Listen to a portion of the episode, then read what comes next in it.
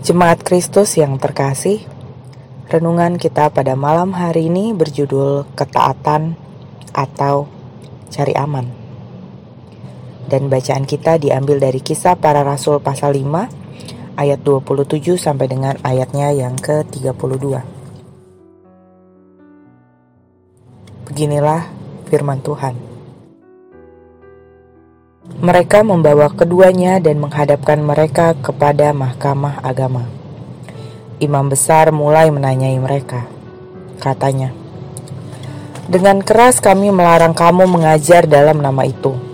Namun ternyata kamu telah memenuhi Yerusalem dengan ajaranmu dan kamu hendak menanggungkan darah orang itu kepada kami." Tetapi Petrus dan rasul-rasul itu menjawab, katanya, kita harus lebih taat kepada Allah daripada kepada manusia. Allah nenek moyang kita telah membangkitkan Yesus yang kamu gantungkan pada kayu salib dan kamu bunuh. Dialah yang telah ditinggikan oleh Allah sendiri dengan tangan kanannya menjadi pemimpin dan juru selamat supaya Israel dapat bertobat dan menerima pengampunan dosa dan kami adalah saksi dari segala sesuatu itu. Kami dan Roh Kudus yang dikaruniakan Allah kepada semua orang yang mentaati Dia.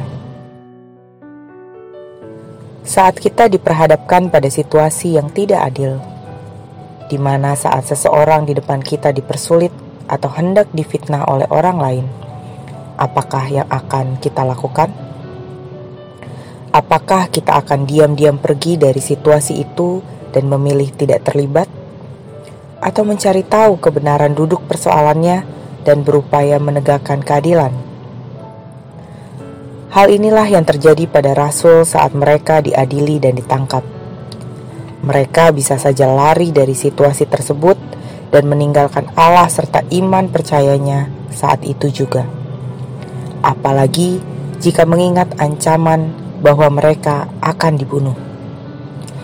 Namun, para rasul memiliki patokan hidup yang jelas, yaitu berdiri teguh pada kebenaran Allah. Hal itulah yang membuat mereka lebih menaati Allah daripada manusia. Di sini, kita dapat melihat ketaatan kepada Allah telah menjadi komitmen dari para rasul.